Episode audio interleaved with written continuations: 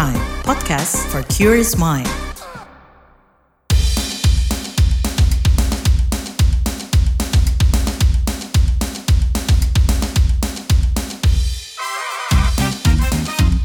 What's Trending KBR Pagi, siaran pagi radio paling update.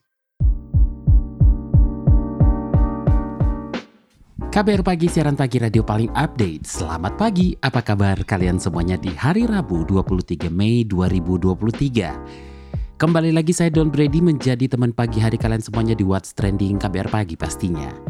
Pagi ini kita ngobrolin soal menyangkut kembalinya tilang manual.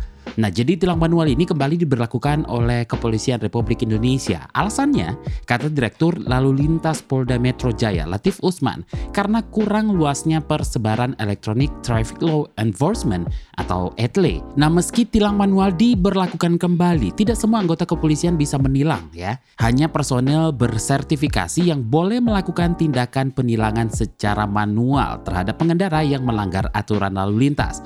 Beragam reaksi kemudian bermunculan atas kembalinya tilang manual ini. Dirlantas Polda Metro Jaya Latif Usman lantas memastikan tilang manual bukanlah bentuk intimidasi, melainkan bentuk edukasi kepada pengguna kendaraan. Nantinya anggota kepolisian bertugas mengingatkan, menegur hingga menilai masyarakat yang melanggar. Adapun aturan yang menjadi prioritas tilang manual antara lain berkendara di bawah umur, berboncengan lebih dari dua orang, menggunakan ponsel saat berkendara, menerobos lampu lalu lintas hingga melawan arus. Nah kita bakal bahas lebih lanjut soal ini setelah komentar netizen plus 62 berikut ini.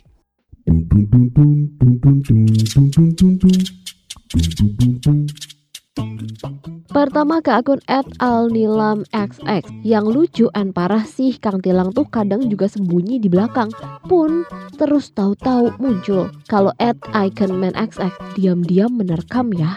At underscore banggong xx komentar tilang manual kan bisa cincai. At Aditya Antara XX nggak perlu mikir kas masuk ke mana. Ini mindset keliru. Mendisiplinkan masyarakat perlu modal. Fokus sama pelanggaran berbahaya dulu. Terobos lampu merah tanpa NKB, lawan arus, pelakunya dihukum, copot roda KTP, SIM dicabut. Nah, at DearXX, tilang manual tetap diperlukan asal operasinya resmi. Tanpa tilang manual, sekarang jam sibuk jarang polisi ada di lampu merah. Dan banyak masyarakat yang sembarangan berlalu lintas. Masa di Gatsu ada motor yang sekarang berani nggak pakai helm? At VR Jom XX, pelanggaran di depan mata semakin masif, tilang manual tetap diperlukan. Bahagianya saya kemarin lihat belasan kendaraan R2 dan R4 ditilang di jalur Transjakarta. Yang terakhir, at Idarian XX, ngapain mesti ada tilang manual kalau tilang elektronik sudah banyak di berbagai titik. Ditambah, Polantas bisa bawa HP ET. Yang perlu itu penjagaan atau penugasan polisi di beberapa titik rawan pelanggaran.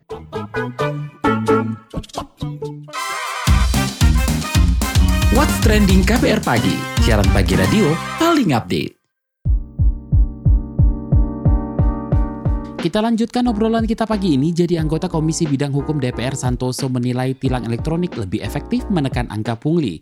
Santoso pun meminta pimpinan Polri menyiapkan sanksi tegas kepada petugas yang terlibat melakukan pungli dalam penerapan kembali tilang manual.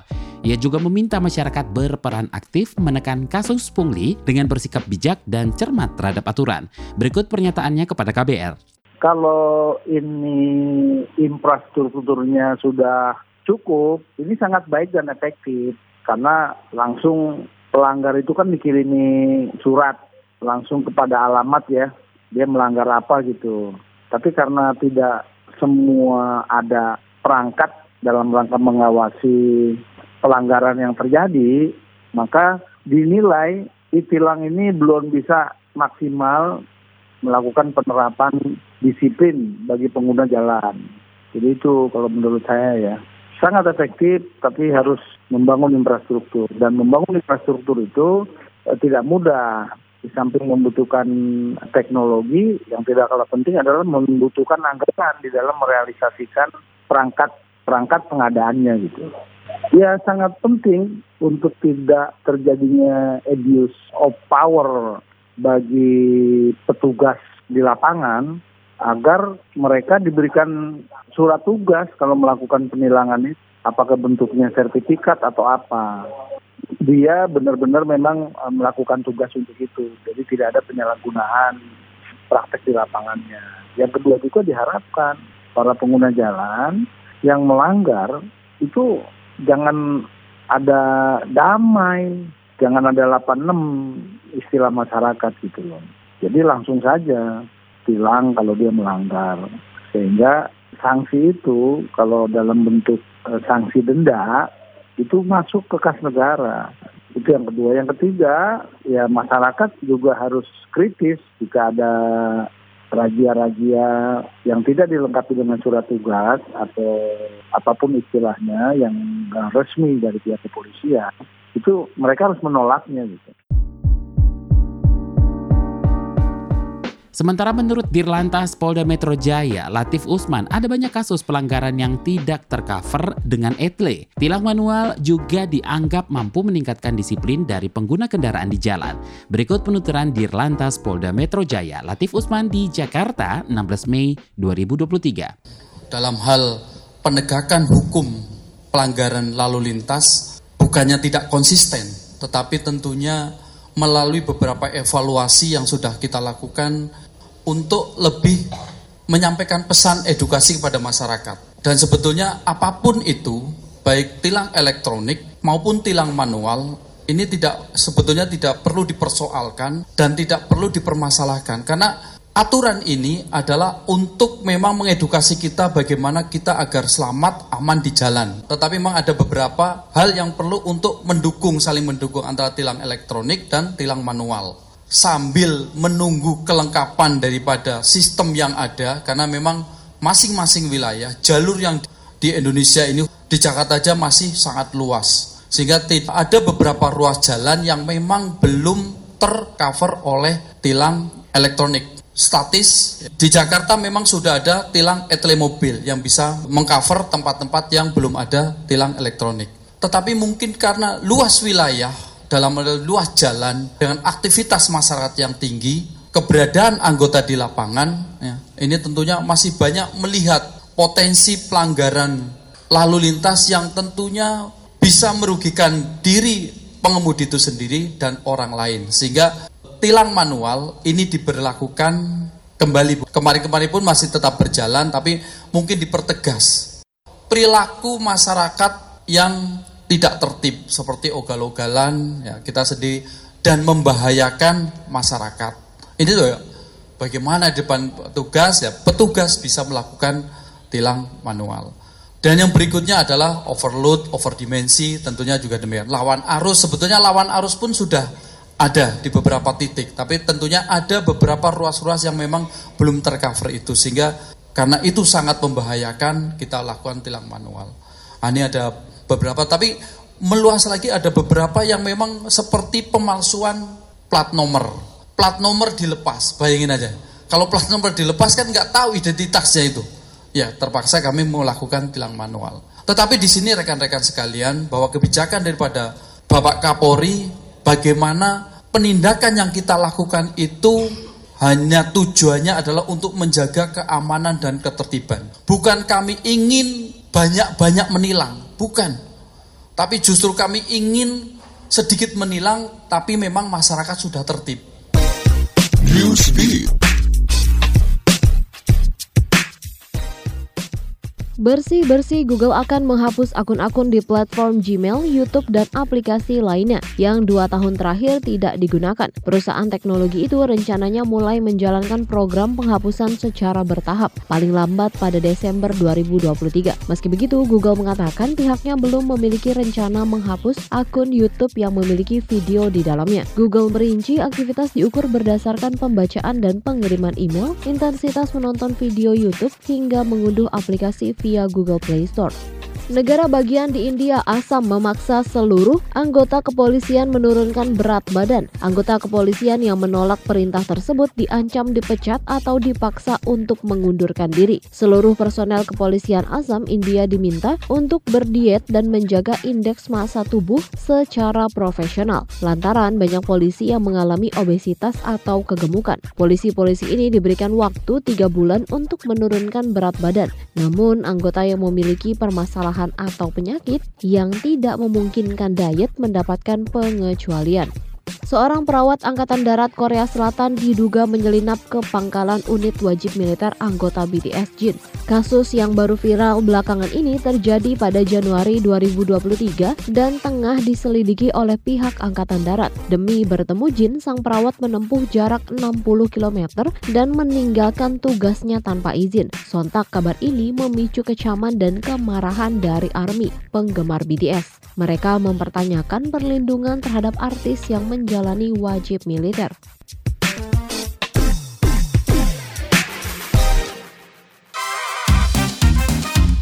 What's Trending KBR Pagi, siaran pagi radio paling update.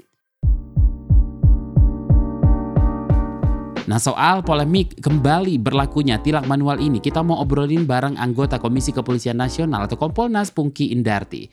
Mbak Pungki perlu nggak sih tilang manual ini diberlakukan kembali? Tilang manual masih diperlukan karena berdasarkan evaluasi ternyata jika hanya mengandalkan ITLE tidak dapat menjangkau pengawasan dan penegakan hukum di jalan. ITLE maupun ITLE mobile jumlahnya masih terbatas sehingga banyak terjadi pelanggaran lalu lintas bahkan kecelakaan lalu lintas. Lalu bagaimana dengan kekhawatiran resiko peningkatan praktek pungli? Untuk menjaga agar penerapan tilang manual tidak disalahgunakan, maka perlu kerjasama masyarakat untuk mengawasi dan jangan mencoba memberikan tawaran damai berupa uang atau barang kepada polisi lalu lintas. Jadi dilarang untuk melakukan suap ya kepada petugas maupun menuruti jika ada anggota yang nakal minta suap. Nah, Kompolnas juga mendorong penggunaan body camera bagi anggota kepolisian lalu lintas yang bertugas di lapangan untuk mencegah pelanggaran. Kami berharap semuanya baik masyarakat maupun seluruh anggota kepolisian bersama-sama berupaya untuk menciptakan tertib lalu lintas di jalan raya karena tertib lalu lintas itu mencerminkan budaya bangsa e, bangsa yang besar itu kita bisa melihat dari tertibnya seluruh masyarakatnya berlalu lintas. Sanksi apa yang bisa memberi efek jerah pelaku pungli di tengah pemberlakuan kembali tilang manual ini? Jika ada anggota yang melakukan pelanggaran dalam hal ini menerima suap atau meminta suap, maka di situ sebetulnya sudah terjadi tindak pidana gitu ya. Nah, oleh karena itu hukuman harus tegas bagi anggota yang coba-coba e, melakukan tindak pidana ya, meminta suap atau menerima suap. Nah, oleh karena itu hukumannya harus tegas itu yang pertama, kemudian yang kedua terkait dengan kode etik. Jadi ada pelanggaran kode etik sehingga harus diterapkan sanksi yang maksimal dalam hal ini pemecatan. Kemudian juga ada sanksi-sanksi lain termasuk juga uh, sanksi disiplin. Nah, uh, kita kalau saya boleh share uh, pengalaman uh, terkait dengan reformasi kepolisian di Georgia, sebuah negara di Eropa yang dulunya merupakan bekas uh, Uni Soviet ya. Nah, Georgia ini uh, pada tahun 2004 itu terjadi reformasi kepolisian di sana seluruh anggota polisinya sejumlah 60 ribu. Nah, terbanyak di antaranya adalah polisi lalu lintas. Pemerintah kemudian mengambil tindakan tegas karena menjadi keluhan masyarakat, aparat kepolisian terutama yang bertugas di e, jalan raya, e, polisi lalu lintas melakukan tindakan korup, e, meminta uang, terus kemudian juga tidak melaksanakan tugasnya dengan baik. Nah, e, akibatnya apa? Pemerintah kemudian ya, Presiden Georgia pada waktu itu kemudian memecat 50% e, anggota kepolisian dan menggantinya dengan orang-orang yang punya integritas tinggi. Nah, kalau Indonesia berani untuk melakukan hal tersebut, saya rasa bisa dimulai dari lalu lintas ya. Kalau ada anggotanya yang melakukan pelanggaran berupa meminta suap ataupun ataupun menerima suap maka mesti harus ditindak tegas. Jadi proses hukum harus tegas. Seperti itu. Itu pasti nanti akan menghasilkan efek jerah dan menjadikan polisi kita menjadi polisi yang lebih bersih. Terima kasih. Terima kasih anggota Kompolnas Pungki Indarti.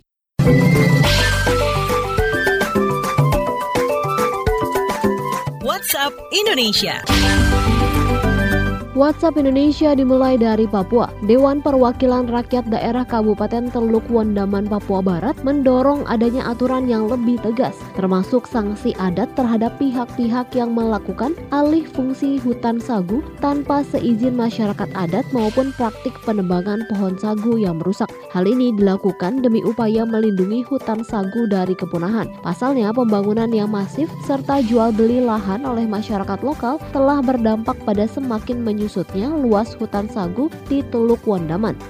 Selanjutnya menuju ke Pulauan Riau, Samsat Tanjung Pinang berinovasi meluncurkan program untuk mempermudah warga dalam membayar pajak kendaraan bermotor. Program itu diberi nama Pelantaran Emas, pelayanan antar jemput Samsat. Kepala Seksi Penerimaan dan Penetapan UPTD PPD Tanjung Pinang, Bapenda Kepri, Nur Fasanti mengatakan, program ini akan membantu masyarakat yang memiliki keterbatasan waktu dan tidak perlu bingung lagi saat akan membayar PKB miliknya karena pihaknya telah menugaskan petugas khusus untuk melakukan pelayanan antar jemput pajak kendaraan bermotor, khususnya pajak tahunan. Dilansir Antara News untuk memanfaatkan program ini, masyarakat cukup menghubungi nomor WhatsApp plus 62 811778755. Selanjutnya, petugas admin akan membalas dan meminta alamat wajib pajak. Terakhir mampir Jakarta, Kementerian Pemuda dan Olahraga Kemenpora usai SEA Games kemarin langsung fokus pada pagelaran ASEAN Para Games 2023. ASEAN Para Games 2023 dijadwalkan 3 sampai 9 Juni mendatang di Phnom Penh, Kamboja. Sebelumnya, Indonesia berhasil menjadi juara umum dalam dua gelaran ASEAN Para Games terakhir yakni pada tahun 2017 dan 2022. Pada tahun ini, Indonesia kembali mengincar posisi juara umum. Sejumlah cabur yang menjadi andalan mendulang emas di antaranya atletik, renang, dan tenis meja. Demikian WhatsApp Indonesia hari ini.